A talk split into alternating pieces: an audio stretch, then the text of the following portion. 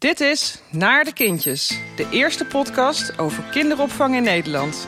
Waarin elke aflevering Sandra en Meerte Madelief in gesprek met een expert op zoek gaan naar wat de beste kinderopvang is en waarom. Nou, jullie werken sowieso altijd met 100% biologische voeding. Dat vind ik heel erg belangrijk. En het heeft een aantal oorzaken. En als je het hebt over dat je niet wil dat ze gifstoffen in hun lijf krijgen, maar ook niet een klein beetje, waarom, waarom willen we dat eigenlijk niet? Um, er zijn natuurlijk ontzettend veel informatie over gezonde voeding. Dat, dat gevoel van samen en die cultuur, dat draagt echt bij. Dus... Ja, het is gewoon een feestje bij. En ik ben uiteindelijk zelf ook met mijn kinderen bij een antroposofische opvang terechtgekomen, omdat ik voeding zo belangrijk vond.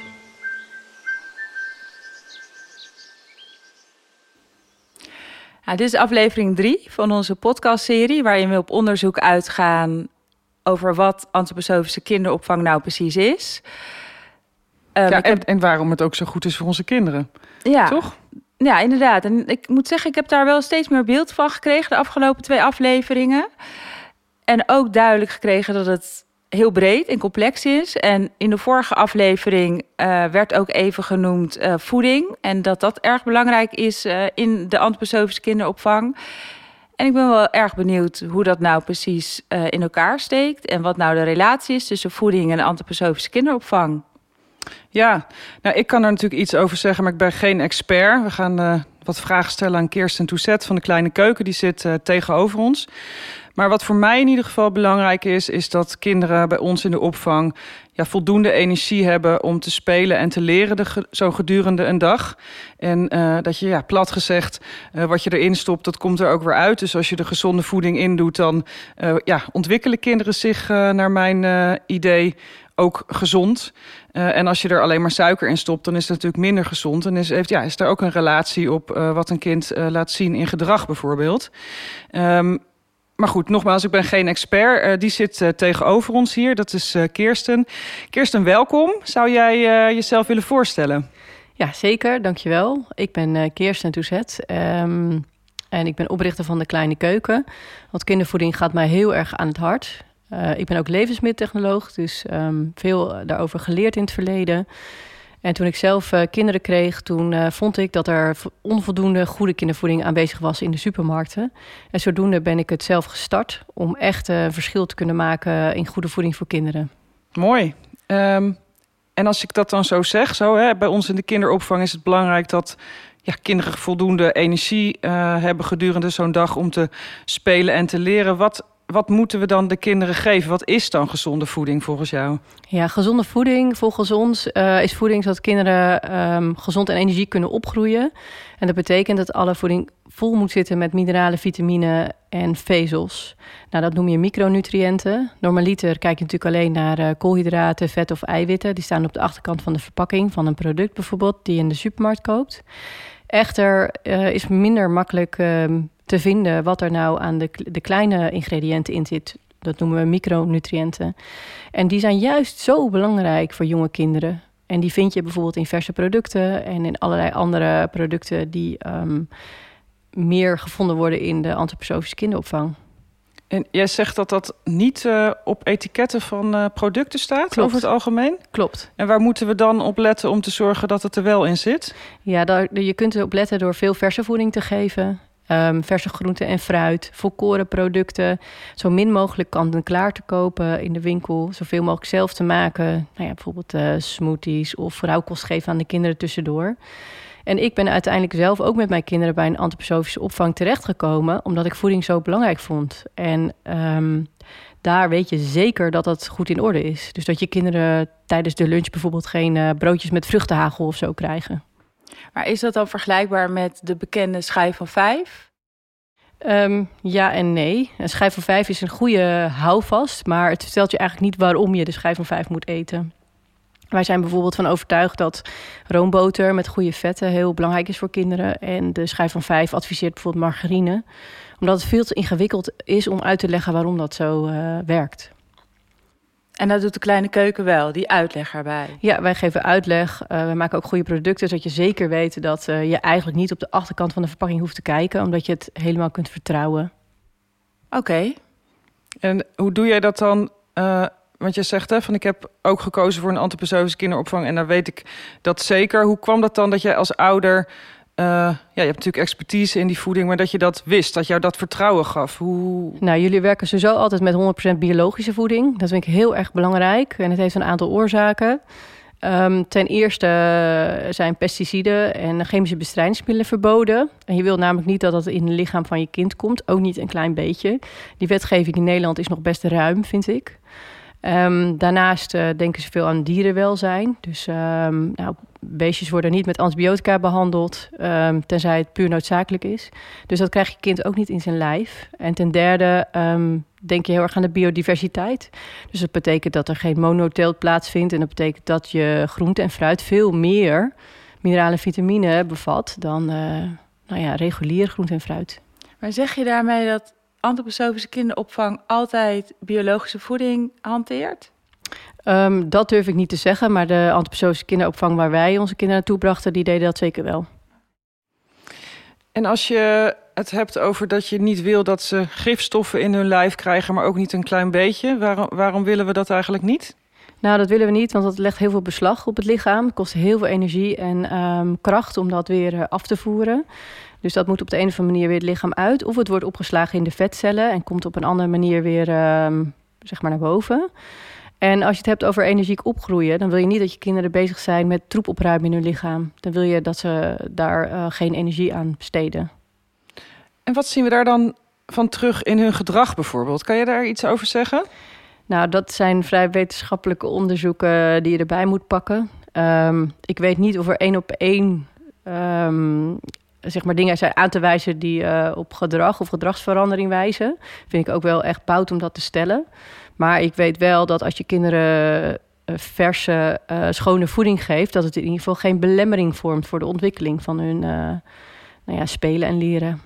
Ja, en wat ik ook herken, zeg maar, bij ons in de kinderopvang, als we ook nadenken over voeding, als we bijvoorbeeld een rijstwafel geven en daar dan niet alleen appelstroop op doen, maar ook een goede vet erbij. Dus dan heb ja, je een precies. combinatie tussen vet en appelstroop. Precies. Dat doen we dan heel bewust, zodat we uh, hè, met het idee van, hè, dan, dan geef je ze koolhydraten, maar ook die vetten. En dat Klopt. spreidt dan een beetje die energieniveau. Dan, dan lijkt het ook alsof wij zien dat die kinderen ja, rustiger spelen in zo'n groep. Waardoor er minder hectiek ontstaat. En ik heb altijd het idee dat daar dus een, ook een relatie is met voeding. Daarom bieden we het ook op die manier aan. Klopt. Dus ik denk dat terug te kunnen zien. Maar... Ja. ja, daar kan ik wel een voorbeeld van geven. Als je producten geeft, bijvoorbeeld witte boterhammen of witte rijstwafels zonder iets erop, dan uh, verwerkt je lichaam dat als puur suiker. En dat betekent dat die kinderen op dat moment echt een ontzettende energiestoot krijgen, waardoor ze heel druk worden. En daarna daalt de bloedsuikerspiegel en daar word je juist een beetje sloom van. Maar als je bijvoorbeeld een volkoren boterham geeft of het combineert met vezels, dan um, bouwt je lichaam dat veel sneller af dan als je dat niet doet. En waardoor die kinderen veel gelijkmatiger um, ja, dat, dat suiker afbouwen, dus ook gelijkmatiger zijn in hun bloedsuikerspiegel en dus rustiger blijven. Maar ook wat je zegt, wat jullie doen, is heel goed. Die boter toevoegen op een uh, rijstwafeltje. Dat betekent dat ze langer vol zitten. Dus dat ze niet na een kwartier weer honger hebben. Dus dat geeft ook rust in het lichaam. Ja, mooi. Mooi voorbeeld. Hoe ervaar jij dat eigenlijk met jouw kinderen? Nou, ik zit daar echt, ik zit echt heel hard uh, ik, zie je, ik zie je denken. Wat je, je allemaal denken. zegt. En um, ja, de, de, de, de, um, er zijn natuurlijk ontzettend veel informatie over gezonde voeding. En dan denk ik, oké, okay, die roomboter die moet er dan juist wel op. Terwijl je juist zou zeggen van nou, uh, je kind uh, minder vetten geven is juist uh, goed, hè? En ja, suikers. Ik geloof dat dat ook een overtuiging is. Ja, dat van, blijkbaar. Van, ja. van, van, van, de, van de marketingachtige gedachte. Er wordt nu toch ook teruggekomen dat we juist die vetten moeten geven, want Klopt. die zijn Ja. goed voor de hersenontwikkeling Ja. Jonge nog- kinderen, maar ook voor ons als volwassenen. Dat we die vetten nodig hebben om gewoon helder te kunnen denken. Klopt, sterker nog, jonge kinderen vanaf zes maanden tot drie jaar, zeg maar echt jullie doelgroep, krijgen structureel te weinig goede vetten binnen. Wat zijn goede vetten eigenlijk? Um, goede vetten zijn onverzadigde vetzuren. Dus, en die komen bijvoorbeeld in uh, olijfolie voor, of in avocado's, of um, bijvoorbeeld ook in pinda's, in noten, dat soort dingen. Eigenlijk um, ja, alles behalve die echt die zware dierlijke vetten. En, um, maar die vetten zijn hartstikke belangrijk voor de hersenontwikkeling, voor uh, het, volle gevoel dat je niet uh, binnen een half uur weer trek hebt. Um, het is juist het probleem waar, waar het probleem juist ligt, is het suiker, de suikerinname, die vervolgens wordt omgezet in vet in het lichaam. Daar zit vaak het probleem ook naar overgewicht toe als kinderen wat ouder worden.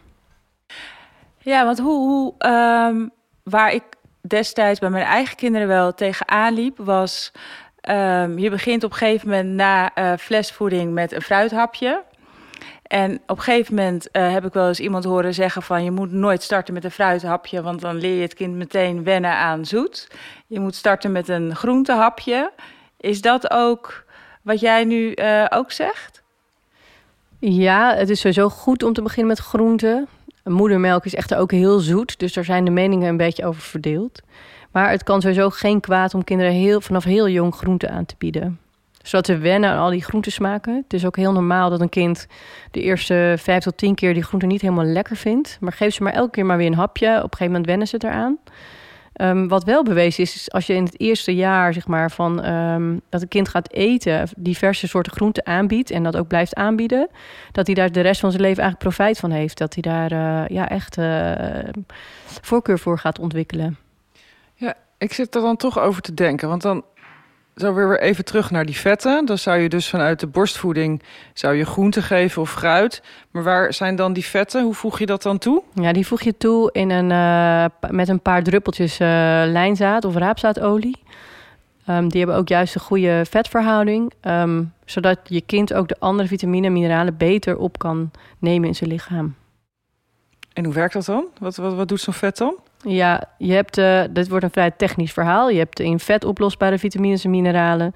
Je hebt in um, water uh, oplosbare vitamine en mineralen. En degene die belangrijk zijn voor kinderen, um, die zijn ook met name in vet oplosbaar, waardoor het handig is om een extra lepeltje vet toe te voegen. En daarnaast um, is het ook fijn dat een kind zeg maar, genoeg goede vetzuren kan opnemen voor de ontwikkeling van zijn hersenen. Ja, die hersenontwikkeling is ook wel echt upcoming uh, in, uh, in het bewustzijn in sowieso in de kinderopvang in Nederland.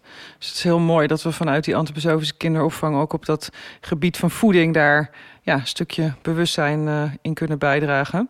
En merken we het echt? Merken we echt het verschil tussen kinderen die opgegroeid zijn met de Olfrit-potjes en kinderen die opgevoed worden met die biologische voeding? Mag ik daar wat van zeggen? Graag. Ik begon een beetje te schudden. Ik weet het niet. ja, wat je ziet is dat uh, potjes Olveriet... die zijn uh, in smaak, textuur en geur allemaal um, zo goed als gelijk. Wij doen altijd de test. Als je geblinddoekt bent en je proeft al die smaakjes Olveriet... of babyvoedingspotjes... Um, dat mensen blind niet kunnen uh, proeven welke groenten daarin verwerkt worden. Ook bij de enkelvoudige smaken. Dat komt ook doordat je de textuur niet herkent. Het is gehomogeniseerd. Dat betekent dat het helemaal vlak gemaakt is. Qua structuur. Dus je merkt niet of je nou een bloemkool, een broccoli of een wortel zit te eten. Ja, echt waar. Dus, en als kinderen dat opeens wel op hun bord krijgen, als ze één jaar worden, er ligt opeens een broccoli op hun bord, dan schrikken ze natuurlijk zich kapot. qua mondgevoel. ze weten niet wat hen overkomt. Dus het is heel belangrijk om dat vanaf jongs af aan eigenlijk al aan te leren. Ja, en, en, en het handige is, ze kunnen ook nog niet praten hè, tot hun eerste. dus je kunt eigenlijk, en ze hebben ook nog niet zo heel veel voorkeur, dus je kunt eigenlijk alles, alles aanbieden en instoppen. En dat is ook zo fijn.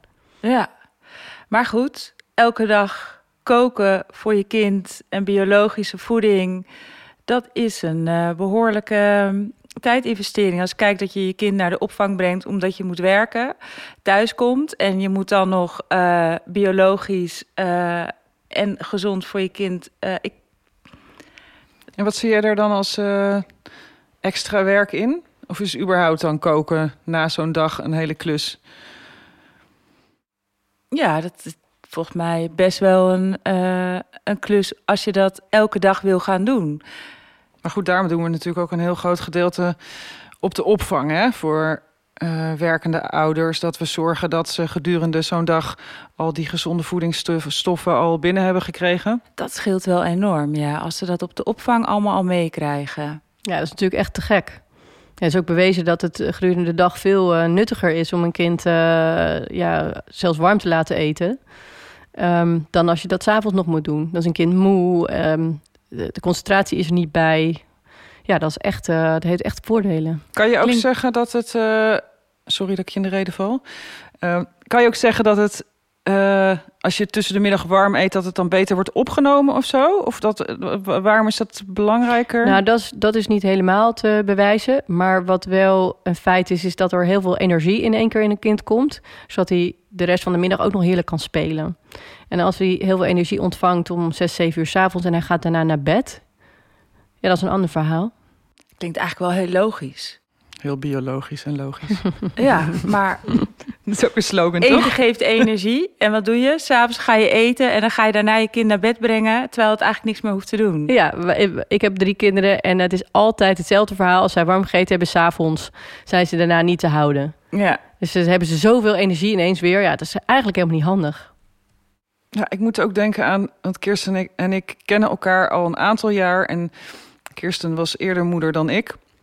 En die, die zei dan van ja, ik doe gewoon s ochtends een shake met allemaal groenten en gezonde dingen erin en fruit. En dat geef ik dan als eerste. En dan weet ik in ieder geval dat dat, dat al binnen is. Klopt. Dat heb ik altijd ja, klopt. onthouden, zeg maar. Ja. ja. Ja, klopt. Ja, dus heb, heb jij nog meer tips van wat, je, wat, wat ouders uh, kunnen doen om het makkelijk te maken? Hè? Want ik hoor jou ja. eigenlijk, uh, Sandra, de vraag stellen van het, ja, hoe doe je dat dan? Want dat is dan best ingewikkeld ja, als twee werkende dan? ouders. Ja, ik heb echt één tip: maak het niet te ingewikkeld. En het eerste jaar krijgt een kind toch zijn voedingsstoffen echt nog merendeels binnen vanuit melk. Um, het is echt uh, de bedoeling dat je een kind leert eten in het eerste jaar. En dat betekent ook dat je op zondag uh, vijf keer uh, broccoli of bloemkool kunt maken of zoete aardappel. Dat in kunt vriezen en als het jou uitkomt even eruit haalt. Of je pureert de groenten die je zelf eet die avond even van tevoren alvast. Um, en je prakt het met een paar lepeltjes olie of met een beetje rijst door. Maak het niet te moeilijk. Um, het is echt trial and error. En ja, leg jezelf niet te veel druk op wat dat betreft. Als het eten een dag niet lukt, is helemaal geen ramp. En ik hoor jou eigenlijk ook zeggen dat je niet um, een drie gangen menu hoeft aan te bieden. Nee, totaal niet. Nee. nee. Nou, en vooral op zoek moet naar een kinderopvang die dus middags uh, warm eten aanbiedt. Of dat je zelf, smiddags is beter dan s'avonds. Ja, dat zou wel te gek zijn inderdaad, ja. En ik hoor je ook zeggen dat het dus heel belangrijk is dat het biologisch is. Ja, klopt. En um, wat ik ook heel erg belangrijk vind, is wat kinderen op hun brood krijgen tussen de middag. Ik ben zelf helemaal niet gecharmeerd van fruithagel en uh, boterhamworst en uh, zoute smeerkaas. Waarom niet? Uh, wil je het per uh, stuk uh, behandeld hebben? nou, pak er één. pak de smeerworst. nou, smeerkaas, smeerworst. Heel veel zout in. smeerkaas zit ook smeltzout in. Dat is een zwaar metaal. Een zwaar metaal? Een zwaar metaal, ja. In voeding? Ja, dus dat wil je niet in je kind hebben. Sterker nog, het voedingscentrum adviseert ook dat absoluut niet aan je kind te geven. Alleen dat weten niet heel veel mensen. Het is dus een heel fijn gevoel dat als je um, je kind naar een antroposofische opvang brengt dat ze goede voeding uh, krijgen. En dat je niet hoeft te zeggen als moeder, dat deed ik dan altijd. Nou, ze mogen dit niet, ze mogen dat niet. Ik heb wat meegenomen. Dan is je kind een uitzondering en dat wil je eigenlijk niet. Ja, dus je draagt wil... ook bij aan het groepsgevoel of zo. Dat je het met vertrouwen kan loslaten. Ja. En dat je. Ja, en dat je je kind met alle ja, goede, uh, goede intenties en vertrouwen je kind achter kan laten.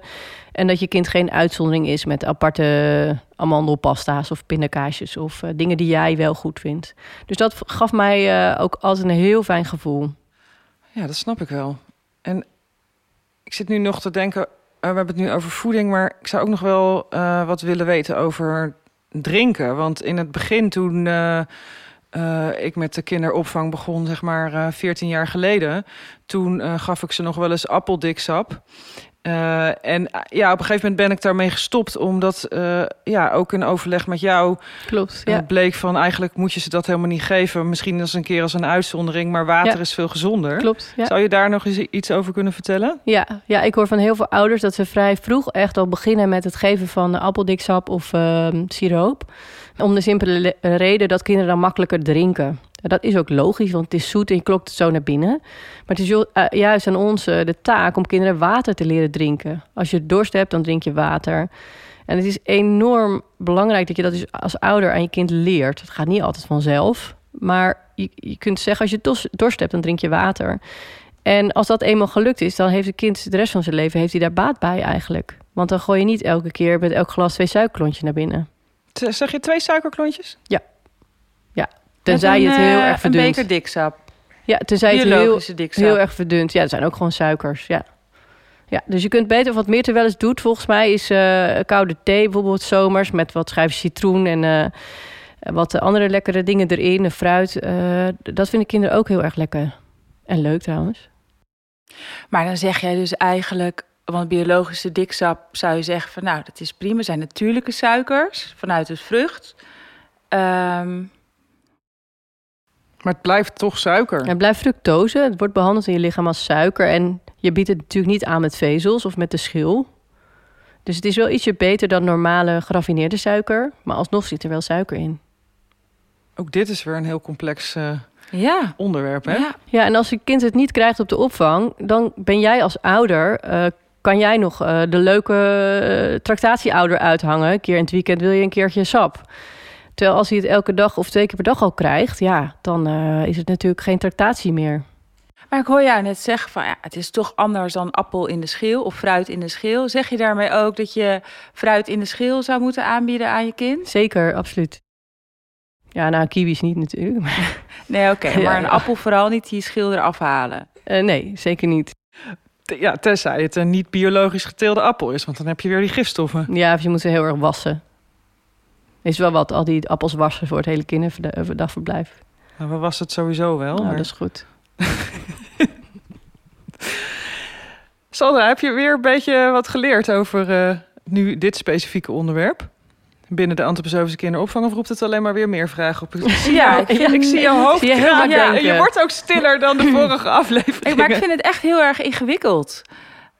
Ook dat, er, dat je er zo over na moet denken. En ik heb dan ook, ik, het roepen mij heel veel vragen op. Appel wel in schil, uh, niet in schil. Um, biologische diksap ook liever niet. Um, melk heb, daar heb ik ook altijd wel vragen over. Moet je nou na het eerste jaar wel doorgaan met melk geven? Of moet je juist uh, het afbouwen? Dus ik vind dit wel echt een hele ingewikkelde, moet ik zeggen. Ja, omdat het natuurlijk ook heel complex is, hebben we gekeken binnen de opvang om ja, acht gouden eetregels samen te stellen. Ook in overleg met Kirsten. Uh, misschien kan je er daar een paar van uitlichten. Uh, om het ook ja, weer simpel te maken. Hè? Want we kunnen natuurlijk zo complex maken als dat we willen. Je ja. zei net uh, in het voorgesprek, ik kan hier uh, dagen over praten. Ja, zeker. Maar kan je het terugbrengen naar ja. iets simpels voor ons en voor de luisteraar? Ja, ik zal er een paar noemen die misschien helpen. Um, Meert houdt bijvoorbeeld aan dat er geen uh, witmelen worden gegeven op het kinderdagverblijf. Dus geen koekjes of boterhammen of biscuitjes met um, witmelen. En dat betekent, dat betekent dus melen die niet volkoren zijn. Dus waar de kiem en vezel is uitgehaald, waardoor je lichaam het eigenlijk behandelt als uh, suiker.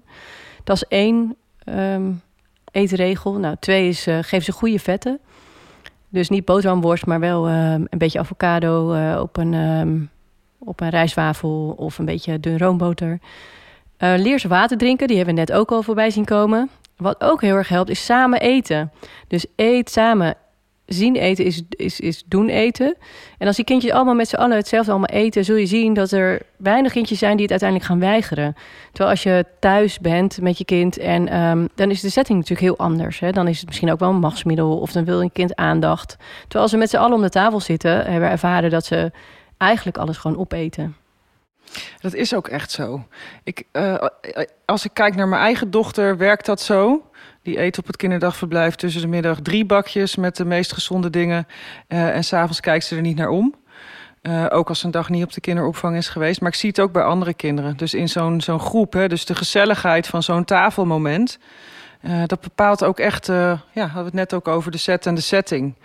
Hè, dat je dat, dat gevoel van samen en die cultuur, dat draagt echt bij. Dus, maar dat is eigenlijk niet zozeer op uh, ja, wat voeding nou doet in je lijf, maar dat gaat ook weer van hoe richt je dat dan met elkaar in, zo'n moment. En ik denk dat dat ook een specifiek onderdeel is van de antroposofische kinderopvang. Dat we heel erg kijken naar rituelen. gebruiken en rituelen ja, die belangrijk. dagelijks terugkomen. En daar is het voedingsmoment er ook wel een van. Zeker. Ja, dat is heel belangrijk. Ja. En dat herken ik ook wel van thuis. Door de week is het bij ons even, dan maak ik het ontbijt klaar en de kinderen eten het op. Uh, en in het weekend gaat de tafel uitgebreid en mag het kind zelf uh, vreubelen en doen. En ja, dat is gewoon een feestje bijna. Het is echt, uh, oh, gaan we zelf voeding of zelf ontbijt maken? Ja, als terugkomend ritueel. Ja, ja, ja. het is echt een feestje, ja. ja. Dat is het ook. Eten is een feestje. Dat is ook een van de Ja, eh, het eten moet altijd positieve vibes hebben. Dus je moet, nooit een, je moet er nooit een strijd van maken of kind dwingen te eten. Dat hoeft allemaal niet. Nee, en in de opvang zeg jij gaat dat dus sowieso gemakkelijker omdat Ja. ze met elkaar zijn. Ja, zeker. Ja. Nou, ik heb wel weer eh, heel veel geleerd en ik hoop dat jij Ja. eh, ook weer eh, een stapje verder bent. Zeker, dankjewel. Kirsten, heel veel gedaan. bedankt voor jouw eh, input en eh, heldere uitleg. En eh, ja, wij gaan verder op onze zoektocht.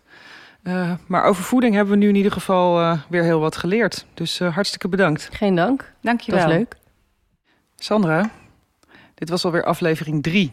Nou, Maar we zijn er nog lang niet. Want ik heb toch echt het idee dat er nog heel veel uit te zoeken is. Heb jij dat ook? ja, toen je aan het begin zei, we gaan een podcastserie maken over kinderopvang binnen de antroposofie, dacht ik, serie, is er zoveel over te vertellen. Maar ja, dus. Ja, want in deze aflevering hebben we natuurlijk gekeken naar voeding. En kwamen we aan het eind op eh, rituelen. We hadden het over samen eten, samen aan tafel gaan. En dat brengt me eigenlijk op het volgende onderwerp waar ik heel graag naar zou willen kijken. Is dat rituelen binnen de antroposofische kinderopvang ook een specifiek kenmerk zijn. En ik moet dan denken aan jaarfeesten en de vieringen daarvan.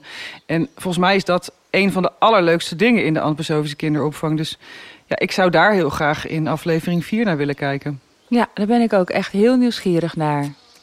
Nou, laten we dat dan doen. Ja, Vond je dit een leuke podcast? Abonneer je dan. Heb je opmerkingen? Zet ze in de recensies. Heb je een vraag? Stuur dan een e-mail naar podcast.kinderopvang-in het midden degeheimetuin.nl Graag tot de volgende keer.